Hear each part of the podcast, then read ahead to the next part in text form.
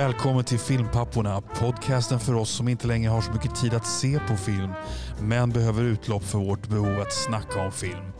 I detta snack kan spoilers förekomma för främst äldre filmer, men vi varnar alltid först. Podden är möjliggjord av den fantastiska redovisningsbyrån Ekonomihjälpen som ni kan läsa mer om på ekonomihjälpen.se. Och nu till Filmpapporna.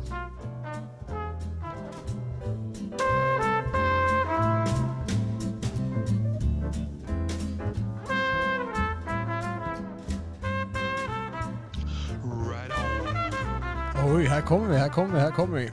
Har du slagit på record? Jag har slagit på rekord. Vi är inspelade Oliver. Vi är Okej. live. Mycket bra. Välkommen till showen. Jag, jag är i Stockholm på Åsögatan och du är?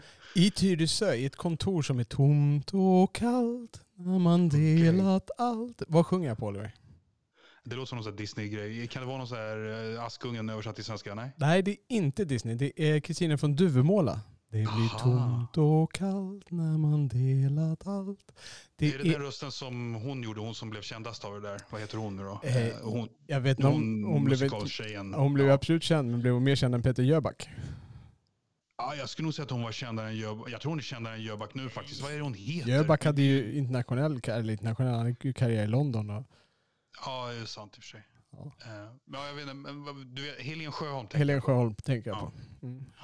Eh, I alla fall, det är, det är en så hjärtskärande. Jag, jag, kan, eh, jag kan inte lyssna på den sången. Den är enormt vacker, men den är så jäkla hjärtskärande. Det är, den, den, det är en kniv i mitt hjärta varje gång jag hör den. Okej. Har du sett filmen Utvandrarna? Eh, nej, med Max von Sydow tänker jag på. Ja, det är väl liksom samma. Det är väl based on uh, Ja. Vilhelm Mobergs story liksom. Absolut, det är det. Nej, jag har sett, eh, jag har sett den där, jag har läst böckerna, men inte, Eh, eh, jag har inte läst, eller jag har inte eh, sett filmen med Max von Sydow. Nej. Okej. Ja, här är vi. Välkomna till musikalpapporna. Nej, jag menar filmpapporna. Precis. Oliver i stan, Robert på kontoret. Um, Ekonomihjälpens eminenta kontor. Men det, det är faktiskt lite tomt och kallt här utan dig Oliver. Jag, jag saknar din närvaro. Jag, Ja. jag ser det här på Skype och du är vacker som alltid men, men jag saknar din right. värme liksom på andra sidan bordet. Ja, kan du sk- skicka lite pengar så kommer jag. Ja, Ja. det. Nej, men det trevligt. Jag saknar det också Robert. Det, det, det är ju en, eh, vi har ju effektiviserat det här rejält genom att köra eh, på varsitt håll. Men eh, det är ju inte samma sak som att sitta i en Nej. studio ihop faktiskt. Vi är sterila och pandemianpassade men, men inte, Exakt. inte mänskligt varma. Jaha, vad har vi i dagens avsnitt då? Vi har lite filmfrågor. Arnold, Arnold. Och Oliver, jag kommer ta med dig på lite Arnold-frågor här nu. I, i en variant. I en variant. Ah, Okej, Ja, ja. vad kul. Ja. Så ska jag liksom, ja men det är väl bra. Jag, du har ju varit så snäll och gett mig Robert De Niro och Scorsese och alla möjliga sådana här favoriter. Så nu är det lite mer out of my comfort zone. Ja, precis. Nu, nu måste vi ta upp dig på lite Ja. högre ribba. Och, och jag kommer att stoppa in dig i lite av en comfort zone faktiskt. Jaha, vad härligt. Ja. Jag får mysa lite grann. Vi går åt olika håll här. Du började Ja. ju lägga mig ganska långt borta. Sen hade vi, eh, eh, vi har en lyssnarfråga och då är Alex som har skickat in en fråga och vi ska prata lite grann om vad som gör en bra skådis. Eh, och sen hade vi också ett lyssnarbrev. Vi har fått ett svar här på en tidigare förfrågan. Ja, Douglas har varit snäll och svarat oss. Precis, och då ska vi, Mm. han ska berätta för mig vad det är som är så himla bra med filmen Get Out. Exakt. Som jag inte kan låta bli att säga utan röst. Get Out! Precis. Ja. Det, är väldigt, det blir väldigt kul att höra. Du kommer väl att replikera lite grann eller någonting. Jag vet inte, det, är, det är intressant att observera. Jag har ju då inte sett den här filmen. Men Nej. Nej. Nej, men jag ser fram emot att lyssna på det. Vi har lite filmnyheter på det. Det kommer att bli lite, vi har, eh, vi har nya skådespelare i den nya Indiana Jones-filmen. En eh, bekanting till oss som har blivit eh, meddelad att han kommer finnas med i Indiana Jones-film, Indiana Jones 5 blir det då alltså. Eh, Bafta har ju haft sin gala där och tänkte bara att vi skulle kika lite på vinnarna. Och Oscars har ju då nominerat sina vinnare. Och sen blir det en liten, en liten, bara en liten, en liten Snyder-grej. En liten. Men nominerat sina vinnare, vad menar du då? Eh, förlåt. Ja, de har nominerat sina filmer. Ja. Det är jag som Jo, men det har vi ju redan pratat om en gång. Oscars nomineringar, nej vi pratade om Golden Globe-nomineringarna. Oscars nomineringar har vi inte dammat över. Har vi det? Har Jag haft tror vi har det Ja, okej. Hej välkommen till Alzheimers pappa, farfar, här filmfarfäderna. Vi berättar samma grej varje gång. Precis. Eller bara det sägs ju att män är bra på det där och repeterar grejer flera gånger också. Ja. Ja. Sen eh, tar vi ett par trivialiteter på det och eh, här kommer det att bli, eh, här kommer det att bli lite Lassie för min del. Kul. Har du någon trivialitet på lager? Ja, jag har en liten trivialitet. Det ska bli intressant att höra om du kanske kände till den. Vi får se. Eh, sen har vi då veckans recensioner och eh, då blir det den eh, hyfsat nysläppta Bill and Ted Face the Music som jag har sett. Okej. Och du hade Mm. också en film på lager där. Ja, jag har faktiskt sett eh, Minions, som det heter på engelska. Mm. Får vi se om det är Ja. det som blir våra rekommendationer eller om vi väljer att rekommendera någonting annat ifall vi inte finner dem rekommenderbara. Mm. Med det, låt oss kasta oss över filmfrågesporten. Bra. Så, Oliver. I'm Ja. going to bring you down.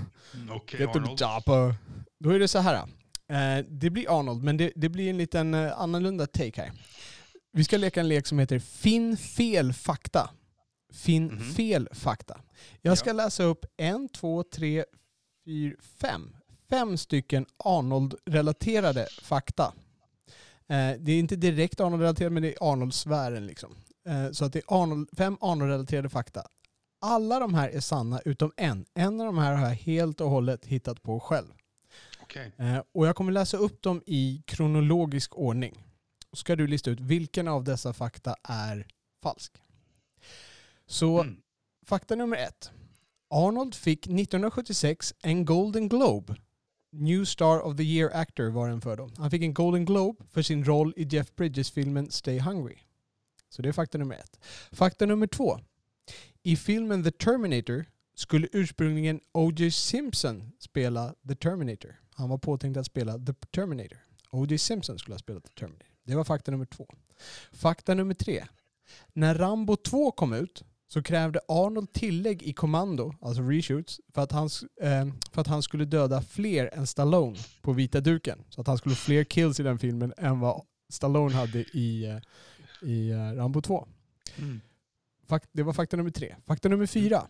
Sonny Landham, en skådespelare i filmen Predator, spelar en av Arnolds kumpaner där då när de springer runt i djungeln. Han hade en livvakt för att skydda andra mot honom. Så han hade med sig en livvakt hela tiden som skulle skydda de andra mot honom. Skådespelaren Sonny Okej, okej. Ja. All right. Interesting. Ja. Och eh, fakta nummer fem. Face-Off, filmen Face-Off med Nicolas Cage och John Travolta. Den var egentligen tänkt för Arnold och Stallone. Filmen Face-Off var egentligen tänkt för Arnold och Stallone.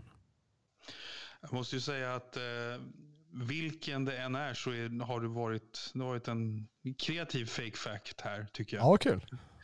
Eh, men jag gissar på nummer tre. Nummer tre, alltså att när Rambo 2 kom ut så krävde Arnold reshoots för att han skulle döda fler än Stallone på vita duken. Ja. Helt rätt. De hade ju lite tävlan där men det finns inga reshoots som han har begärt. Men alla de andra grejerna är sanna. Jag varit själv förvånad att Arnold fick alltså en Golden Globe för New Star of the Year Actor för sin roll i Jeff Bridges-filmen Stay Hungry. Har du sett den? Jag har inte sett den. Jag vet att du Den har är- pratat om den. Ja, jag tycker den är, det är en jättecharmig film faktiskt. Det är så här en liten bromance mellan Jeff Bridges och Arnold. Den är, jag gillar den. Jag måste ju se den filmen. Ja. Eh, var det någon av de andra som du vart eh, sådär förvånad? Alltså O.J. Simpson skulle alltså ha spelat Terminator för påtänkt från Ja, början.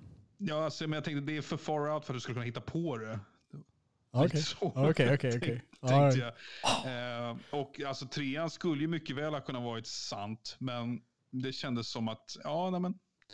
Ja. Eh, ja, och vad hade vad fyran och femman? Vad var Sonny det? Landham, eh, det, det var en, så han är en riktig bad guy. Eh, Och han, eh, de, eh, studion krävde alltså att de hade med sig en livvakt som skulle skydda de andra så att han inte satte igång med något strul. Så, Okej. Som följde med honom hela tiden. Han var riktigt badass. Det var ju riktiga Ja. badasses i den, eh, i den filmen. eh, Inklusive Carl Weathers och eh, vad han nu heter, han som blev guvernör sen också. Okej, ja.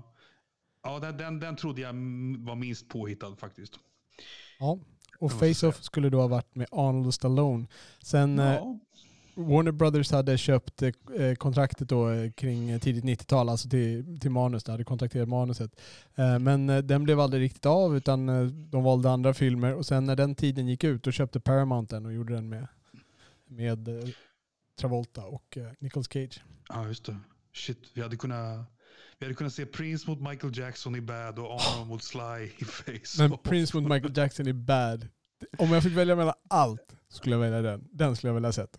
Ja. Ja. Ja. Nej men bra. Vi vänder på, Ja. vi vänder på kameran, eller vi vänder på kameran, vi vänder på stolen. Oliver, ge mig Ja. en filmfråga. Ja, ehm, du kanske nailar det här rakt av. Mm. Eller så har du lite svårare än jag tror för det här. Eh, vi, tar, eh, liksom, vi har tre main questions. Och sen så, liksom, grejer dem så grejer dem. Och sen har vi Mm. två fun facts vi ska gå in på också här. Mm. Eh, det finns tre långfilmer av Steven Spielberg som John Williams inte har komponerat musiken till. Vilka tre filmer är detta? Räk, är det då alltså, räknar man med The Duel? Liksom som han gjorde väldigt tidigt. Eller det, menar man mer under höjden av hans karriär? se, är The Duel hans absolut första film? Jag tror att det är hans första officiella långfilm. Okej, nu blir jag lite osäker på om jag har gjort någon liten faktamiss här. Får jag titta lite snabbt i hans Du filmer får bara? absolut titta i hans filmer. Det kan vara så att The Duel var gjord för tv. Att den kanske går bort på det då eller någonting. Ja, det är ingen featurefilm kanske. Um, ja, den, den är... Eller? Ja, precis. Ja. Men han gjorde han inte musiken till The Duel, vet du det? Eller? Det, det tvek, tvekar jag väldigt mycket på. ska se här. Just det, det är en TV-movie. En TV-movie, Eh, okej. Han det var gjorde därför. tydligen tre, en, tre TV-movies. Ja. Hans första långfilm, vad heter den? På, på bio? Hans första långfilm på bio. Ehm, och det är inte Jaws. Nej, det är en innan faktiskt. Vilken är det? Sugarland Express. Okej. Ja. Så d- då är, väl Så det en av, från, ja, ja, då är väl det en av filmerna han inte gjorde soundtrack till, Sugarland Express? eh, nej, Nej. gjorde han musiken till. Alright, så vad har jag mer då? 1942 eller vad den heter den där. Ehm, jag tror faktiskt John Williams gjorde musiken till den också. Vad har vi mer? E.T. Schindler's List. Um, ah, John Williams han gjorde ju allt där. Um, det är filmen som Spielberg har regisserat nu. Ja, Ehm, och det här är alltså, eh, nu räknar vi inte, han verkar ha två, två filmer, in the, en in the making och en i Ja, post production. och de räknar vi inte med här heller. jag tror att AI är en av dem. Det är fel. Jesus. Jag sitter i mitt julhus och blir överkörd av mitt eget hjul. Åh. Om vi säger så här Jag Robert, måste, jag måste ju klara en. Ja. Ja, eh, ja, jag hade kunnat greja en av de här för att jag är förtjust i kompositören som hoppade in istället för John Williams. Ja. Det hjälper inte mig så mycket. För jag vet inte om John Williams inte gjorde vet jag inte vem som gjorde den. Jag försöker bara tänka igenom filmer jag har egentligen sånt där. Jag går igenom Jurassic Park. Ba, ba, ba, ba, ba. För visst, nej, vänta. Schindler's list, det var inte John Williams som gjorde Schindler's list. Det var John Williams. Ah, Okej, jag är helt fucked. Oliver ger mig filmerna. Eh, f- filmen med kompositören jag gillade var The Color Purple. Ah, Kan du gissa vem, vem kompositören var? eh, han, eh, han som gjorde Taxi Driver. Nej. Nej. Quincy Jones. Quincy Jones, okej. Ja. Och sen är vi ju inne på lite senare grejer då. Och det, om jag säger så här. Eh, jag läste på att... Eh, Minority Report. nej, det är fel. Det är också John Williams. Ja men Jesus. Ja. Eh, nej, men... eh, Bridge of Spies. Ja just det, den, ja, den hade jag inte ens med på kartan. Ja. Och så Och kanske den här sen- geisha-filmen. Eh, har han gjort den? som- Han gjorde som kanske aldrig den. Den kanske aldrig blev. Nej, jag tror han var producent bara för den Ah, faktiskt. okej. Eh, men Ready Player One. Ja just det, jag tänkte faktiskt på den. Jag glömde att säga den sen, men den tänkte jag på. Få- Kan jag, kan jag få en tröstpoäng? Kan vi bara låtsas som att jag fick en tröstpoäng? Ja, men du har chansen att få en liten tröstpoäng här. Ja. För nu är vi inne på Ready Player One. Och jag Okej. hoppas du har sett den här. Jag har sett den. Ja. Vilken Oliver-favoritlåt spelas i denna film? Oh, God damn it. Ehm, 1999? You got to roll with the punches to get to what's real. Jump! Ja, efter den här frågesporten får jag hoppa ut genom fönstret tror jag. Jag vet, inte, jag vet inte om det bara är den instrumentella delen av Jump som de spelar där i början eller vad det är. Eh, Men det är lite av Jump med i alla fall. Jag kommer inte ihåg den filmen så jättebra. Den, eh, det, jag, jag var underhållen när jag såg den men det var ingenting jag tog med mig sådär i minnesbanken. Nej. Lite trivia i sammanhang är att ehm, John Williams hade liksom, han, hade inte, han fick inte allt att gå ihop liksom rent logistiskt och tidsmässigt för att ehm, vad heter han? Spielberg gjorde Bridge of Spies och The Post så otroligt tajt in på varandra tydligen. Ja. Och John Williams gjorde musiken till The Post. Ja, just det. Det kan jag tänka Mm. mig. The Post, den skulle jag vilja se faktiskt. Ja, jag med. Vänta, Ja. The Post, är det den med Tom Hanks och, och ehm, ehm, vad heter hon? Uh, ah, tappade namnet. Bästa kvinnliga skådespelaren i Hollywood. Ehm, Meryl Streep. ja, Meryl? Streep. Är det den? Ja, det är, det är väl de. Ja, men då har jag sett The Post. Ja, ja, där ser man. den, eh, ja. Mm. Får för mig att den är bra. Jag har inte sett den själv. Den var okej. Ja, Den var okej, Ja. men det var en liten grej bara. Känns som en, nästan som en tv-film. Fast välproducerad. ja. Ja, All right. då, då kan vi eh, slänga Robert i sjön här och gratulera Oliver till eh, ännu en... eh, Jag vet inte, här, min intelligens börjar få sig en törn här. Vi går över till lyssnarna i alla fall. Kan vi se om de kan trösta mig lite grann. Mm. vi, ska se, vi hade ju då, Douglas hade ju då svarat. Vi, vi hade ju en samtal tidigare om filmen Get Out. Ja, du, du, vi gick ju igenom alla DNs femmor. Exakt. Eh, verkligen allihopa och kommenterade ganska många av dem. För jag hade sett ganska många av dem. Och Mm. du tyckte inte att DNs betygssättning av Get Out var korrekt. Nej. Och jag kan Nej. inte förstå hyllandet av den här filmen, men i och med att det är så brett så kanske jag är beredd att jag får börja med att missa någonting. Men jag kan inte se vad jag missar. Vad är det som gör den här filmen mer än en, en vanlig okej skräckis liksom? Okej. Så låt oss höra. Vad säger Douglas? Jag fick, ett, ja, jag fick ett meddelande här från, från eh, Douglas. Först och främst, tack för en grym filmpodd och kul med frågor till lyssnare. Ap- Apropå Get Out, jag tycker att den, det är en uppfriskande thriller, nästan mer thriller än skräck.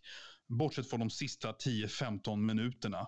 Den är stämningsfull, creepy och är så skickligt gjord med grym casting och duktiga skådisar.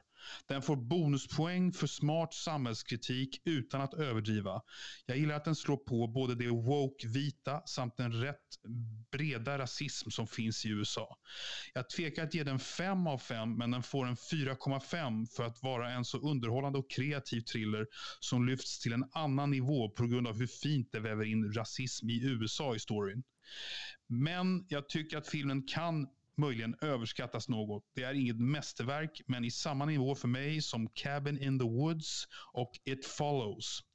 Två väldigt bra och precis som Get Out, intelligenta skräckfilmer. Ehm, sen går han in lite på Mad Max, det kan vi ta sen.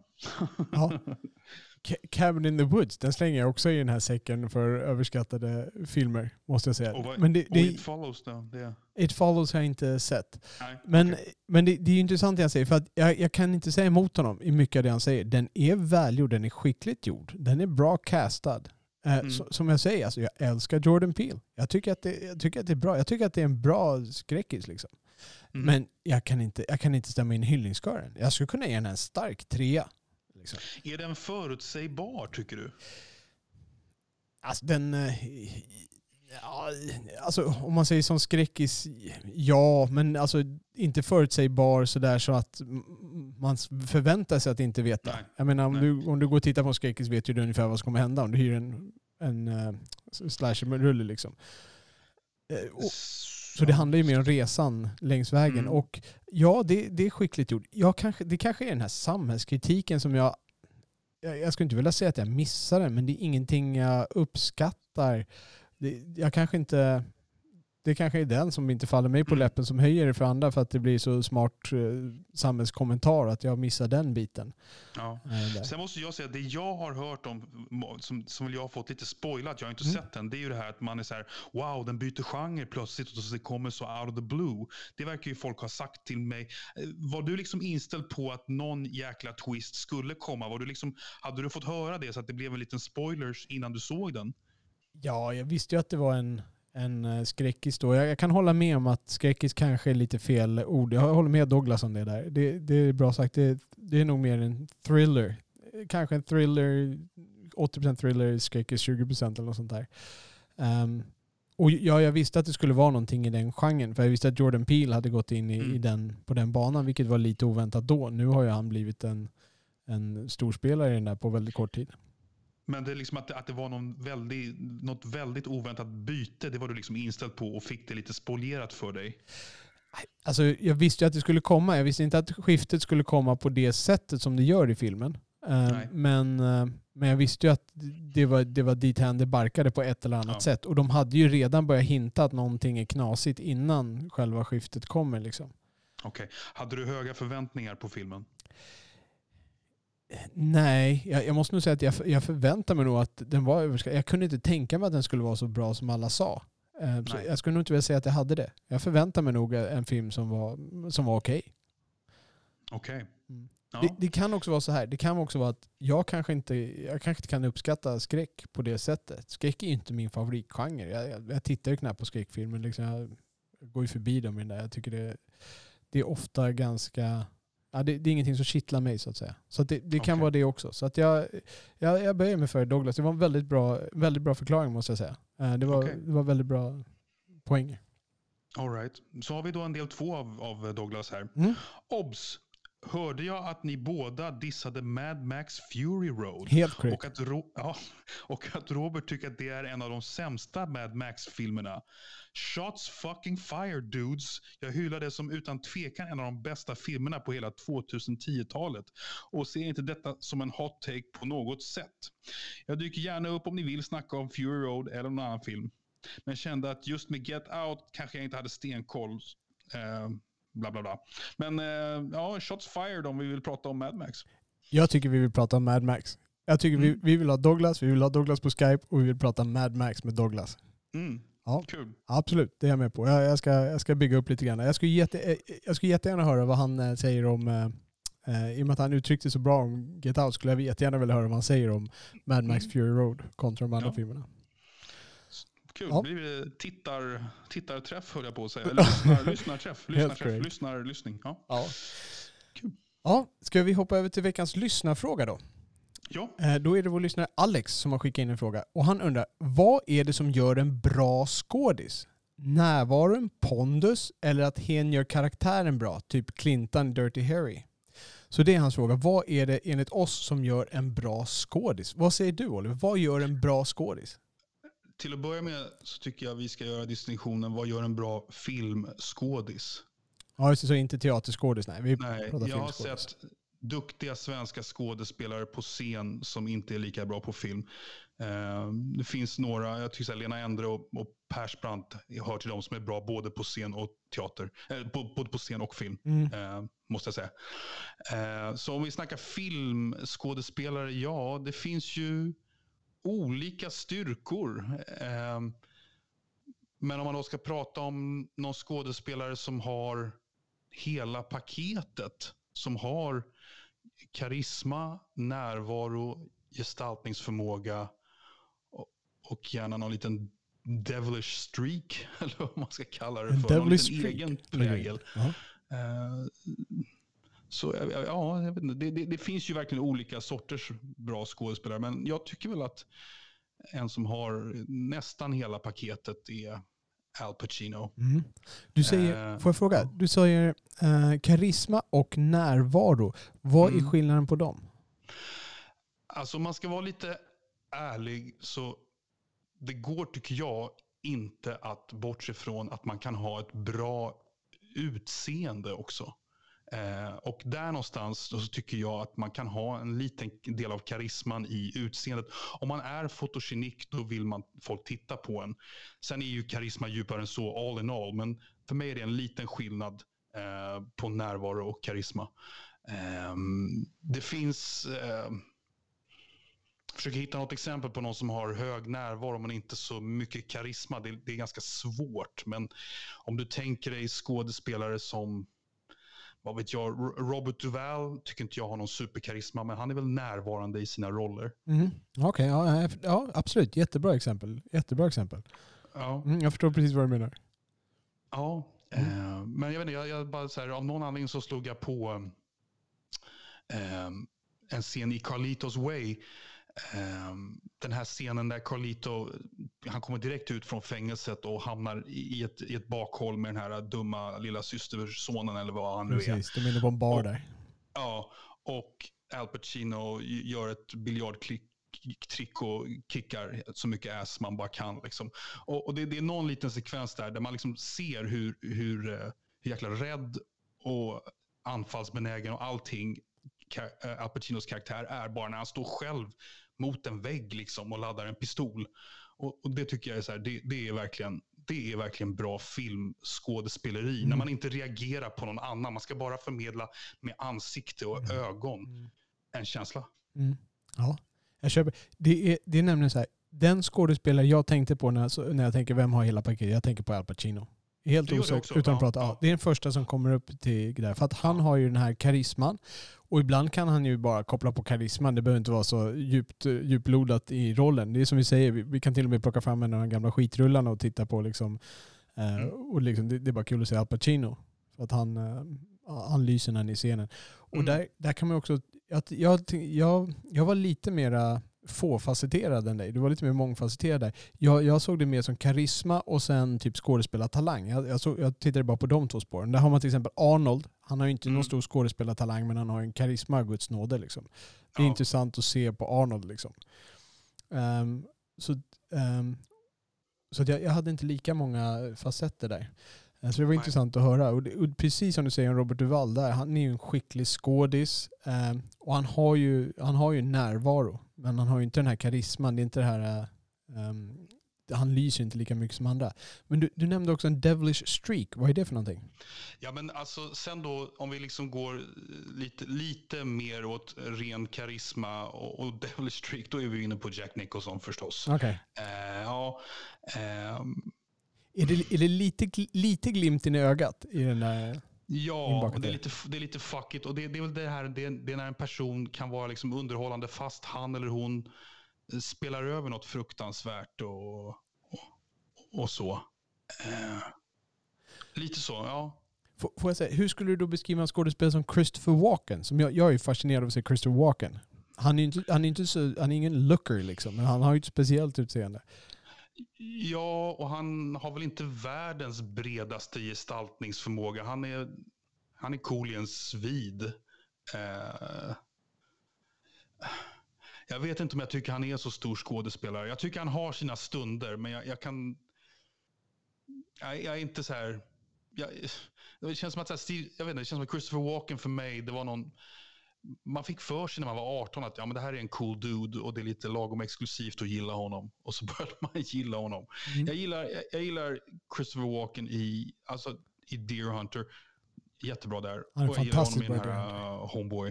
Uh, men sen så har jag, känns som att jag har sett så här 38 filmer där han glider runt och är ja, quirky. Ja. ska säga.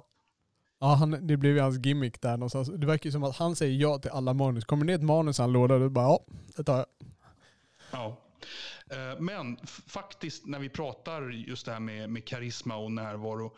Vi pratar om Meryl Streep som världens bästa skådespelare eller skådespelerska. Kanske ja. världens bästa skådespelare. Per. Hon är ju ta mig fan nästan världens bästa gestaltare. Men jag vet inte om hon har någon sån här superkarisma, filmstar quality. Nej, jag, jag, jag måste hålla med. Kan du säga en tjej som har den där superfilmstar qualityn. Oavsett skådespelartalang. Ja, Cameron Diaz. Ja, ja, just det. Hon lyser ju upp ett rum som, ja men det är ju, det är ju så mycket karisma som det Sandra kan Bullock bli, liksom. kanske? Ja, inte riktigt lika mycket. Men, men Sandra Bullock, ja. Eh, Och ehm, ja, men Susan Sarandon tycker jag har karisma utan att vara någon stor Mm. gestaltare. Mm. Mm. Ehm, försök hitta någon kvinna som har hela paketet som Al Pacino. Det, Jag, jag tycker Gina Davis eh, hade ganska mycket på sin tid. Mm. ja, När det begav sig. ja. Ehm, det är lite trist också. Det, det, det känns ju som att när man tittar på amerikansk film så det här utåtagerande som Al Pacino får göra, det är inte många kvinnor som får göra det. Nej. Ehm, Jag tycker man hittar mycket bra kvinnliga skådisar i tv-serier nästan. Mer, mer än vad jag ser på film. På film känns det som att där blir lite, där måste du ha lite movie star look sådär. Men ehm, vad heter hon nu som spelar Sopranos fru? Edie Falco. mm. Eh, hon är fantastiskt bra i den. Eh, du tycker om hon som spelar Lorraine Bracco som spelar psykologen där också. Ja. Ehm, de är ju bra rollgestaltare tycker jag. Kate Blanchett måste vi nämna också. Hon är in i helvete bra faktiskt. Måste hon du? Vad, vad, vad tycker du att hon, eh, vad, vad är det du tycker att hon gör bra? Vilken film? Säg. Eh, Blue Jasmine av Woody Allen. Ah, den missade jag. Okej. Och även, ehm, vad heter den nu då? Ehm, Titanic. Nej, ehm, nu famlar jag efter filmer här. Jag tycker att en film som börjar väldigt lovande men som tappar lite grann, där hon fångar in en med helt magisk skådespeleri. Det är den här filmen som Tom Tykwer gjorde. Det är en bok med, med Giovanni Ribisi. Vet du vilken jag menar? Det är en filmatisering av ett Kieslowski-manus.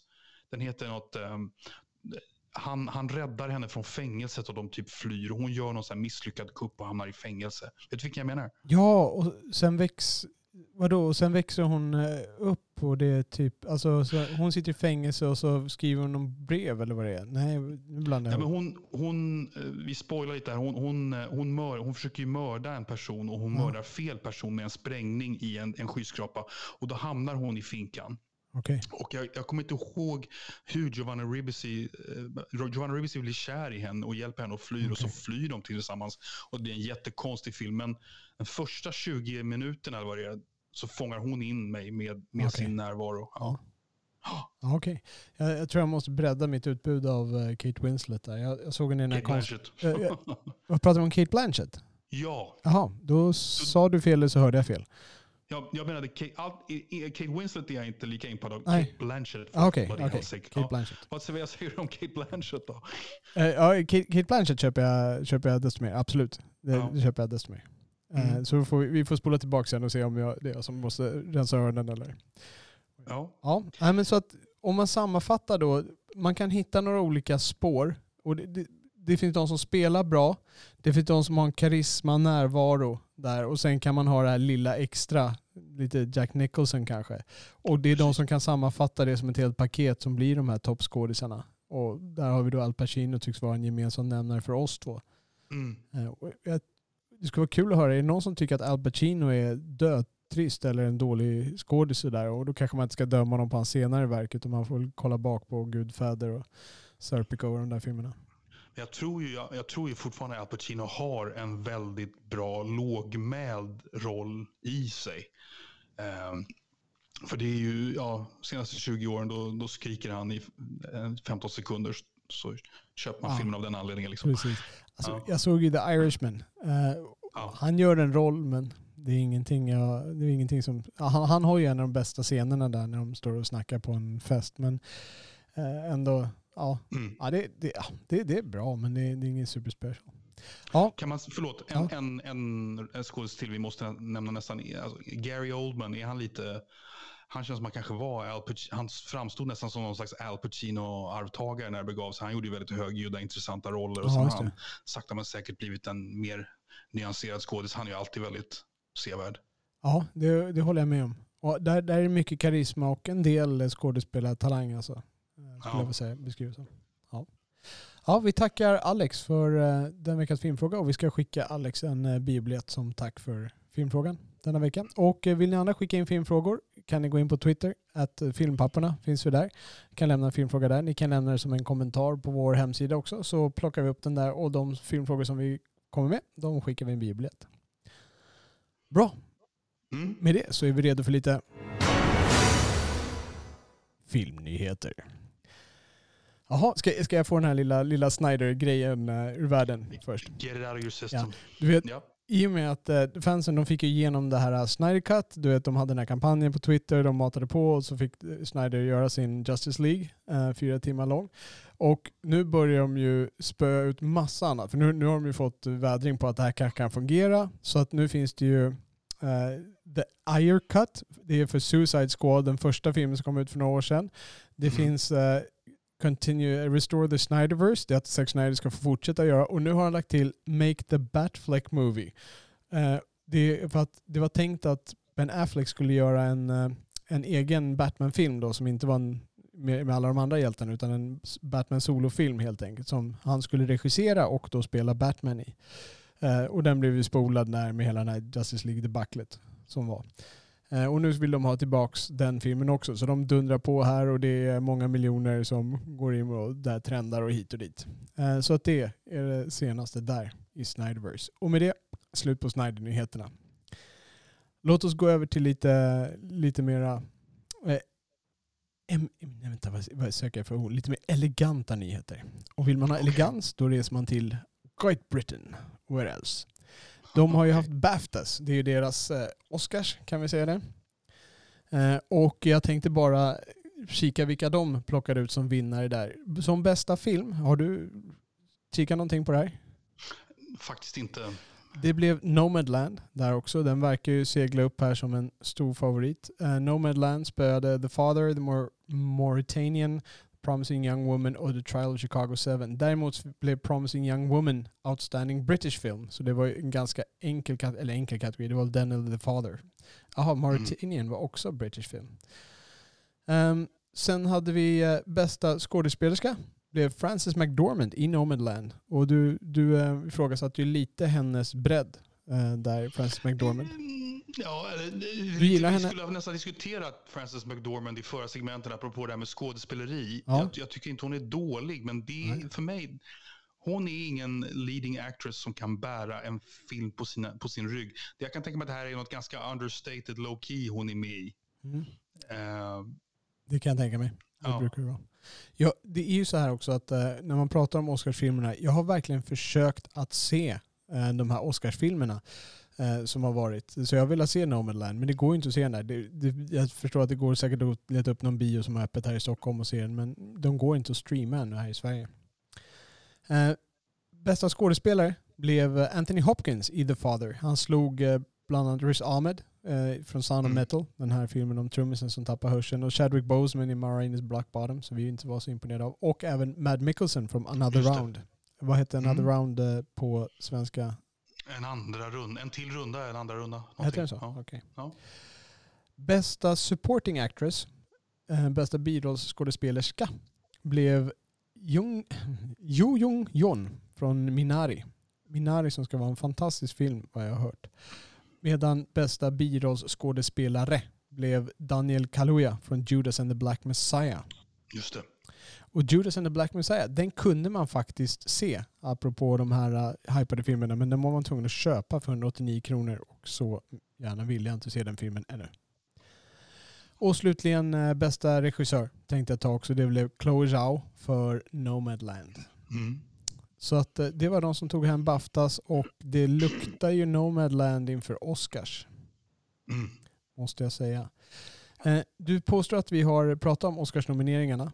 Så låt mig bara få damma lite på de som är nominerade till bästa film där.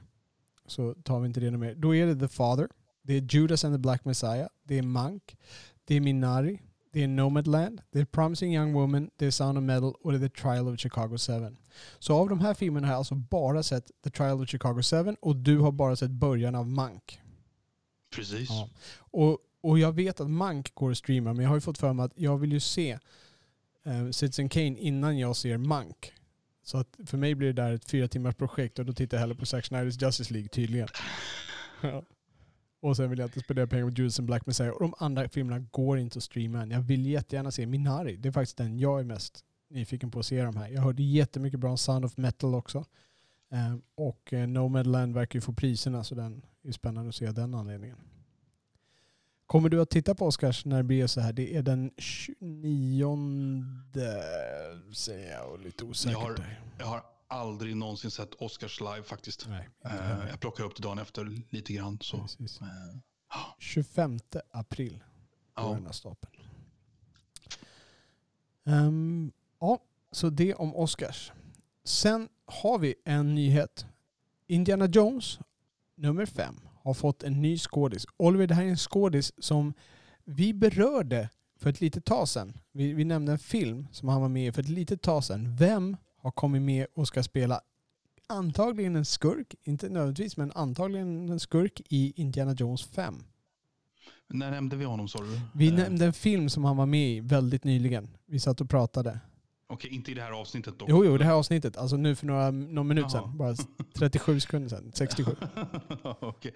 Eh, Daniel Yoga Buddha. Nej, vi närmar oss geografiskt. Närmare Stockholm spelade han en film. Det här blir som en filmfrågesport. Vilken film har vi nämnt som utspelar sig nära Stockholm? Det, nu, står det, nu står det still helt. Ta, ta en runda till medan du tänker. Eh, Mats Mikkelsen. Mats Mikkelsen kommer i Indiana Jones. Dr. Okej. Jones. Jag, jag Mm. vet, hur, hur låter Mad Mikkelsen? Dr. Jones. Ja. Okej, men vad fan, kan han inte få lite roligare roller? Alltså, ja, det, det, det, är det, de, det är där de stoppar in dem i Hollywood. Det är ju så de gör. Ja, De blir ju jag tycker att han är ju så... Du hyllar honom och det var någon polare till mig som hyllade honom och sa att, att han är så här... Han är fantastiskt nyanserad. Han är ju en nyanserad, Ja. bra skådis. Ja, Liksom. visst. jag vet inte hur... Kan han inte få vara med i liksom... Ett, ett, kan han inte ersätta liksom... Jag förstår ju rent ekonomiskt att han inte får det, så jag frågar lite retoriskt. Kan han inte få ersätta Christian Bale eller Tom Hardy eller Matt Damon i något drama? Liksom? Jag tycker det, men han är nog inte så bankbar där borta. Nej, Däremot så nej. är han bankbar som skurk. Har Casino Ja. Royale. Han har ju varit med i ganska många stora filmer. Han har varit med i Star Wars. I den här Mm. Rogue One spelade han en roll. Och där, där var det faktiskt en lite mer dramatisk roll. Där var han inte en skurk. Där var han en pappa. Okej, Mm. en mjukispappa. Ah, Imperiet kidnappade honom så han blev tvungen att bli ganska hårdis pappa. Ah, Okej, Ja. coolt. Men du, är det Ha- återigen Spielberg som ska regissera eller? Eh, nej, Spielberg ska, han ska vara väldigt inblandad. Han ska bara producera då. Eh, jag kommer inte ihåg vem det var som var regissör och det var för att det var någon som jag inte kände igen namnet på. Mm. Eh, men Spielberg skulle då lämna över manteln till honom och jag vet inte. Eh, James Mangold heter han som ska regissera. Ja, är det en någon du jag känner till? känner till lite grann. Jag har gjort några. Jag känner, jag, jag känner till namnet, sett någon, gjort någon thriller med Ray Liotta 2003 har jag för mig. Ja. Ja, det, men det är i alla fall eh, Harrison Ford och Mads Mikkelsen som ska... Okej, så. Harrison är med igen i alla fall. Ja, ja, ja. Ja. Han kommer in där med rullatorn och bara... Prostatacancer. Piskan är lite slak nu men... Ja. Nej men eh, bra, bra, bra. Eh, du har ingen eh, filmnyhet att addera till det där. Nej. Men du har säkerligen en trivialitet att dela med dig av. ja, men jag har en liten trivialitet. Trivialisera. Jo, Roger Moore. Mm.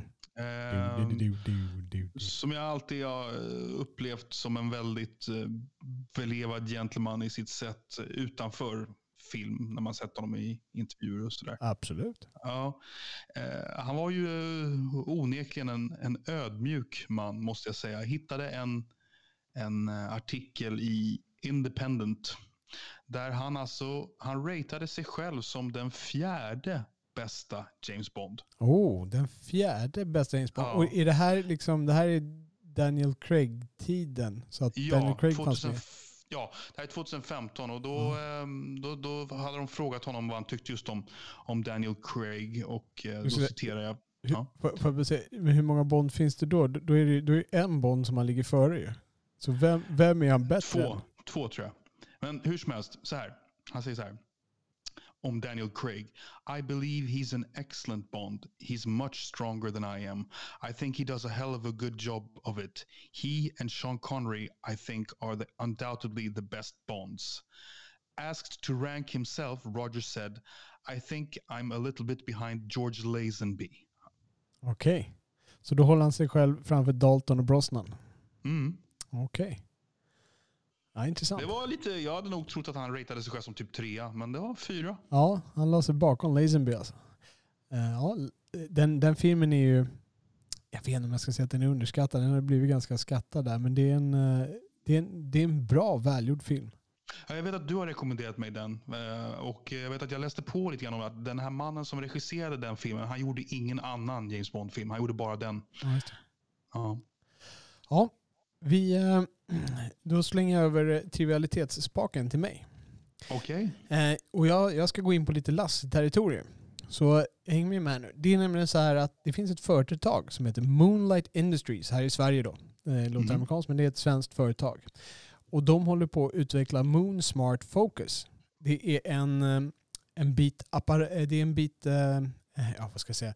Det är en apparatur du sätter på kameran som läser av skådespelare och eh, deras ansikten.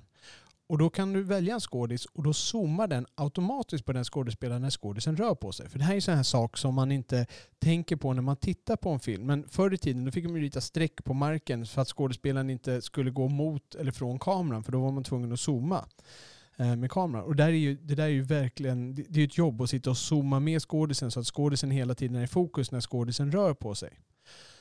Och um, det är ju också så att när man när man filmar då, när man gör många tagningar så kan det vara jättebra tagningar som går bort för att man tappade fokus. Och så här. Och då måste man använda mindre bra tagning och det, det kostar pengar och det kostar tid att göra så många tagningar. Så det den här gör är att den håller det här automatiskt. Den tar bort den mänskliga faktorn. Eh, och den kan alltså känna igen, så att när Daniel Craig då är James Bond och kommer gående längs, genom rummet, då håller den liksom ögat på Craig längs hela vägen. Och sen kan man säga att nu zoomar du in på det här eh, glaset med, eh, vad heter det, vad heter drickan? Martini. Shaken f- förlåt. Ja. Eh, Ska du, köra, ska du upprepa en Muttelassi med Daniel Craig nu? Nej, nej, nej, det ska jag inte göra. Nej. För Nej. du vet att du har dragit en Muttelassi om Daniel Craig? Men, ja, min fru mötte Lasse med Daniel Craig. Var det du Så tänkte var det, okej, ja, nej. precis. Nej, nej, det är inte dit jag kommer. Det här var bara ett exempel när den, när den håller zoomen där. Då. Så det, det här är den utrustning som de håller på att göra. Det heter Moon Smart Focus. Och det är nämligen så här att Ekonomihjälpen har investerat i det här företaget. De är delägare i det här företaget. Ehm, och nu var det så att eh, nu har de haft eh, lite samtal med en Roberto Schaefer som då har, eh, och de ska prata lite om det här med honom. Och jag, jag frågade dig om du visste vem Roberto Schaefer var, för jag var helt säker på att det var du som hade lärt mig det här. För att du, alla sådana här, han är cinematographer. Ehm, okay och jag, jag, har för mig bara att du har lärt mig alla sådana här, så jag, jag vet inte hur jag har plockat upp den här annars. Men du kände inte igen honom.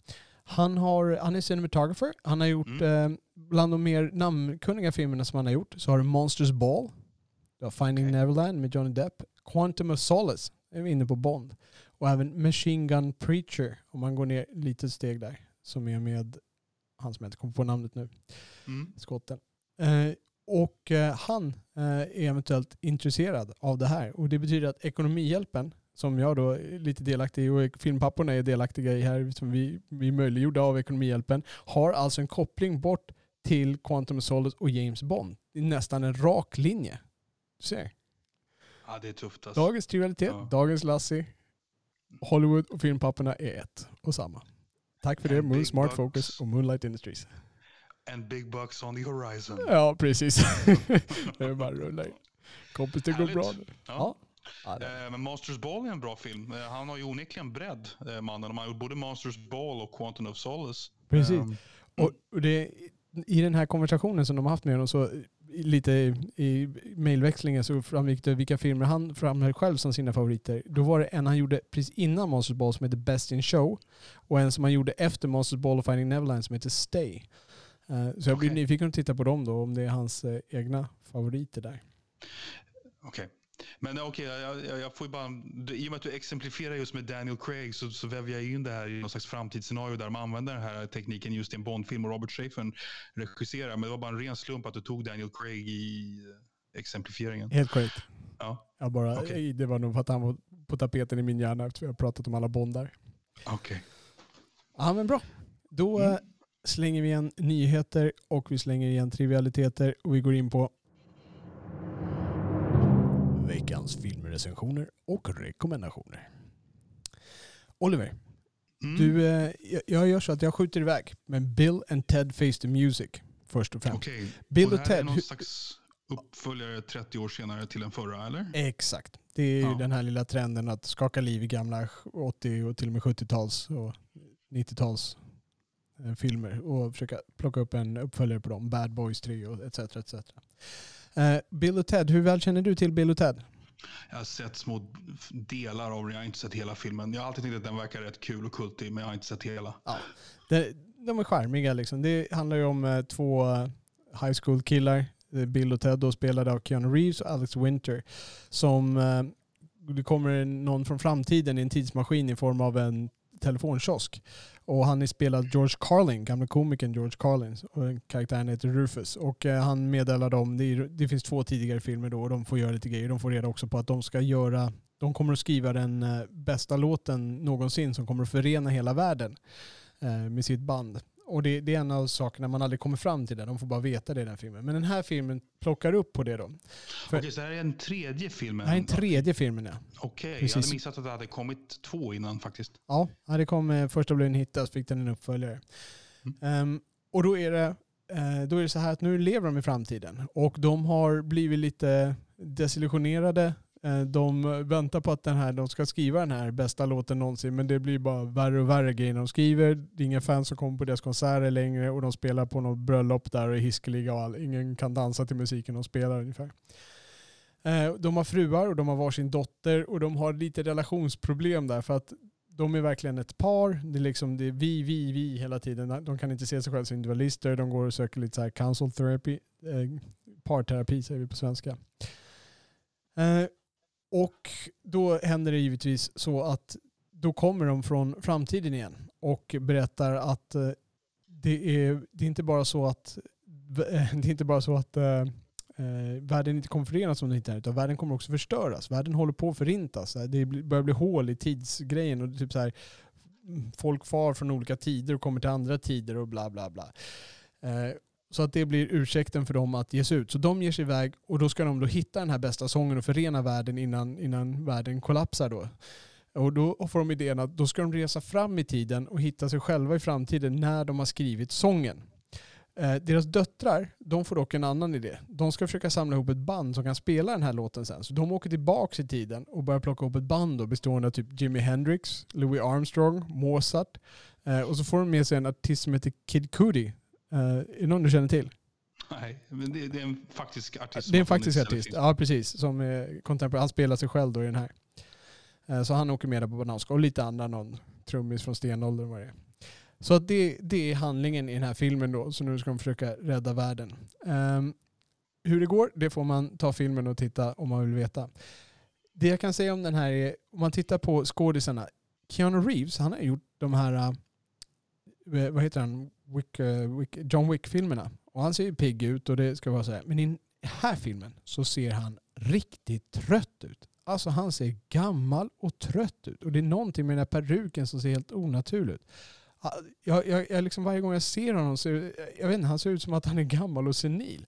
Vilket ju inte går ihop med hur han egentligen för Då sig. ska, man, då ska inte tona ner hans hunkery då. Han är ju en stilig karl till vardags. Eller man har ju en bild av honom som är ganska stilig. Ja. Ja, nej, jag vet inte. Jag vet inte om det är det här, för han spelar ju Det lite här- är oenergiskt lite- skådespeleri eller vad man ska säga. Ja. Nej, det, det- han ser bara trött och gammal ut. Ja, det, Ja. alltså, stelt skådespeleri. Han har ju aldrig Mm. varit någon sån här energi, men han har ju spelat den här personen liksom så här, men nu går han bara in och liksom läser. Det, det är som att det är genrepet där bara, man ska bara testa, testa liksom påserna och sådär liksom.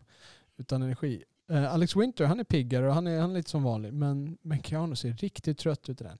Sen är materialet är tyvärr väldigt tom, tunt rent komiskt. Och det här är, i i en sån här film så är historien det är ju bara en ursäkt egentligen för att det ska vara en massa roliga händelser. Men leveranserna av det här är, det är, liksom, det är halvdant, det är ingen inlevelse.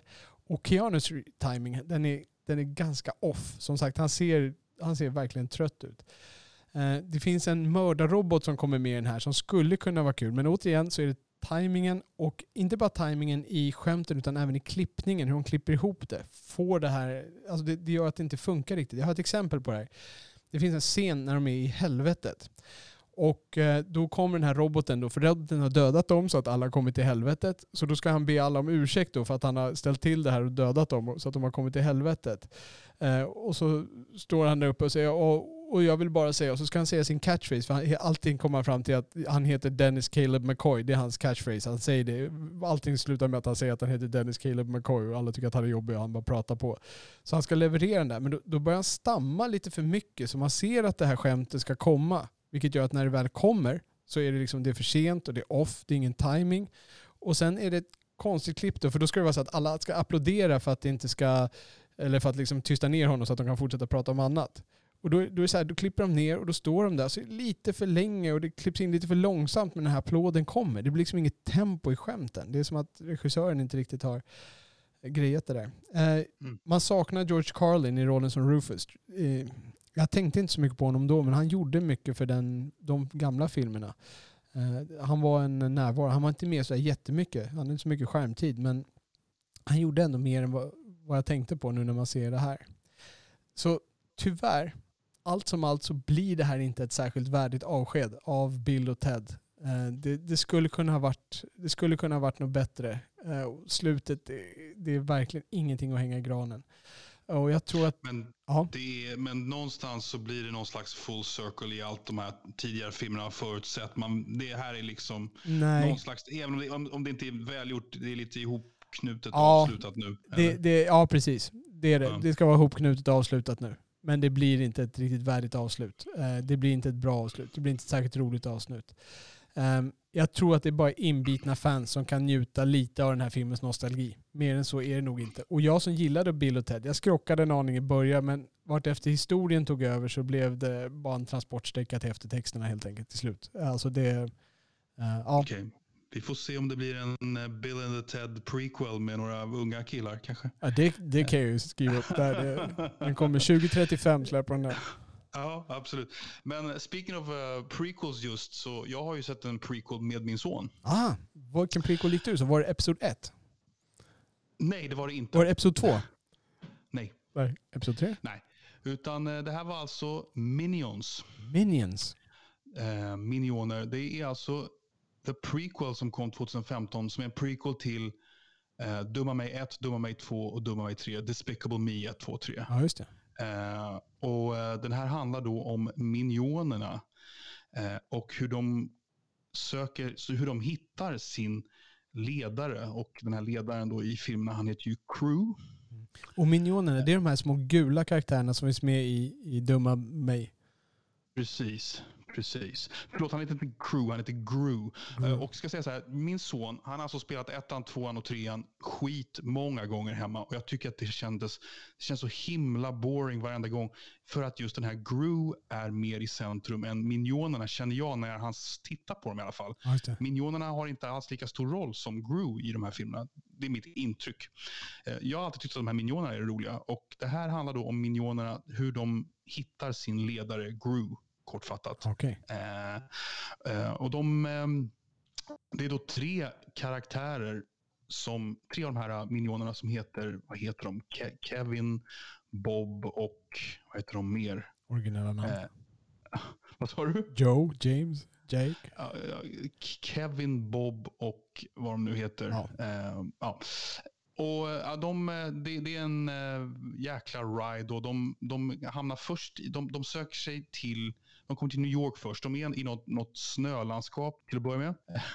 Men eh, de kommer till New York och eh, sen tar de sig eh, till, via hitchhike tar de sig till Orlando där det är eh, gangsterkonferens. Och där träffar de då den här kvinnan som är med i de i Despicable Me 1, 2, 3, nämligen Scarlet Overkill. Okay. Som tar dem till England i sitt slott där hon vill, hennes mål är att konkurrera ut drottningen och själv bli drottning.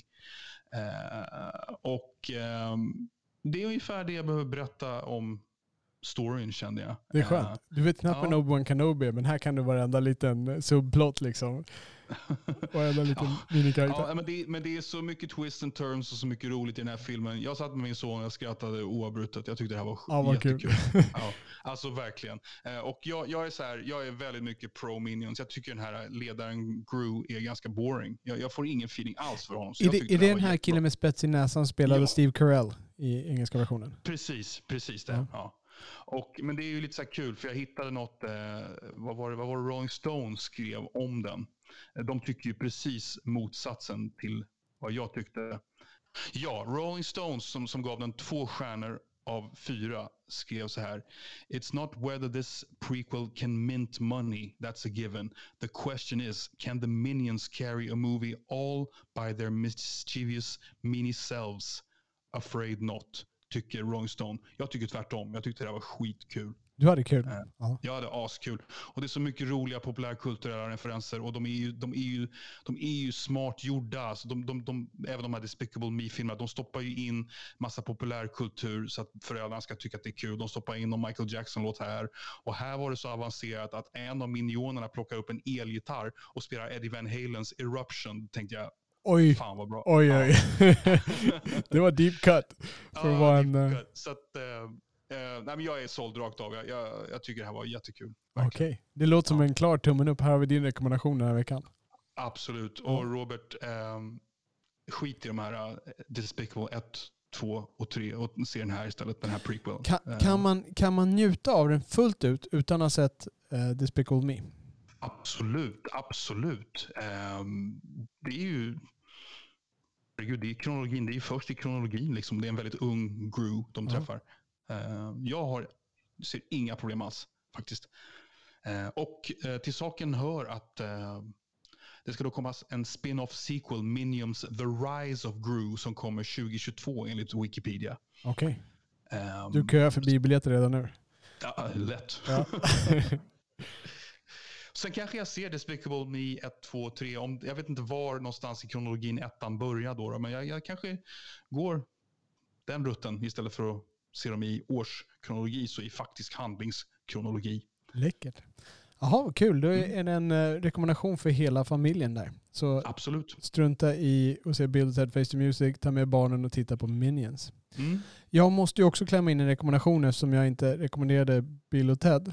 Så om man då vill se någonting lite mindre familjeorienterat och man känner att man är lite sådär eh, tankeläge, liksom man, man, tankarna snurrar lite grann, så tycker jag man kan sätta på Cloud Atlas. Jag har ju rekommenderat den, det är en av tio, mina få tio som jag har gett där på IMDB.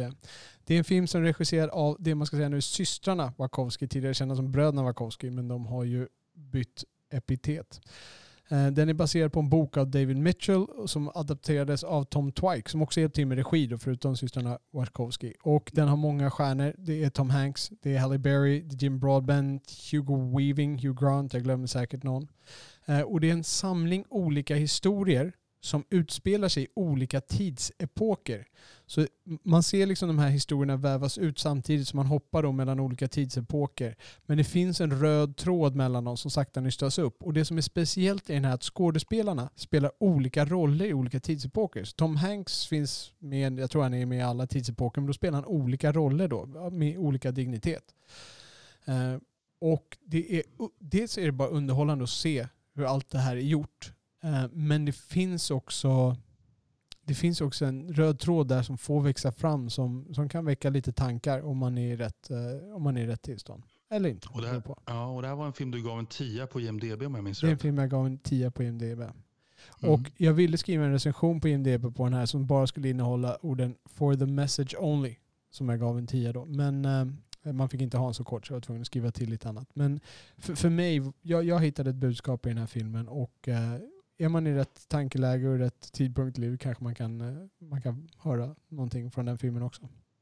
Så den kan jag varmt rekommendera Cloud Atlas om man är i lite tank, tanketillstånd. Cool. Ja. Jo, Oliver.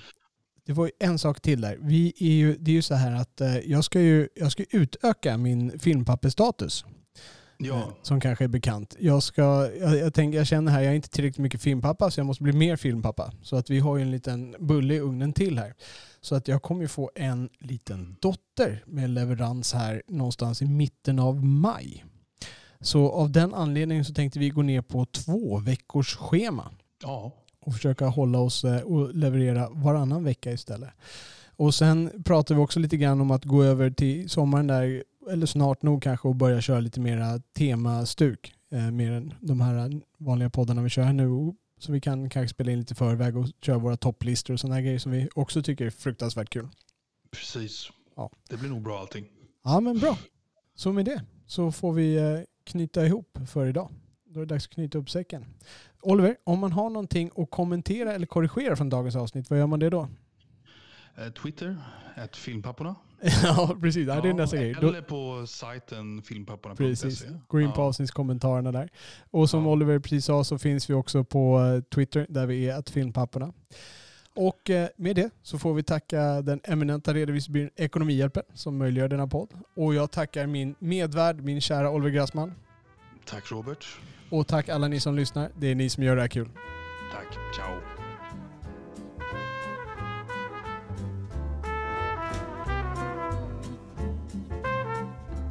Ni har lyssnat på Filmpapporna som släpps var eller varannan vecka. Man kan ladda ner vår podd i alla vanliga poddappar. Ni hittar också våra avsnitt med fulla avsnittsanteckningar, länkar och klipp som vi talat om på vår hemsida filmpapporna.se. Det är där ni lämnar kommentarer till varje avsnitt med era åsikter, beröm, förbättringstips, korrigeringar eller egna anekdoter. Ni kan också följa oss på Twitter, filmpapporna. Och med det så tackar vi redovisningsbyrån Ekonomihjälpen som möjliggjort denna podd och önskar er alla mörka salonger och så salta popcorn. Grrr.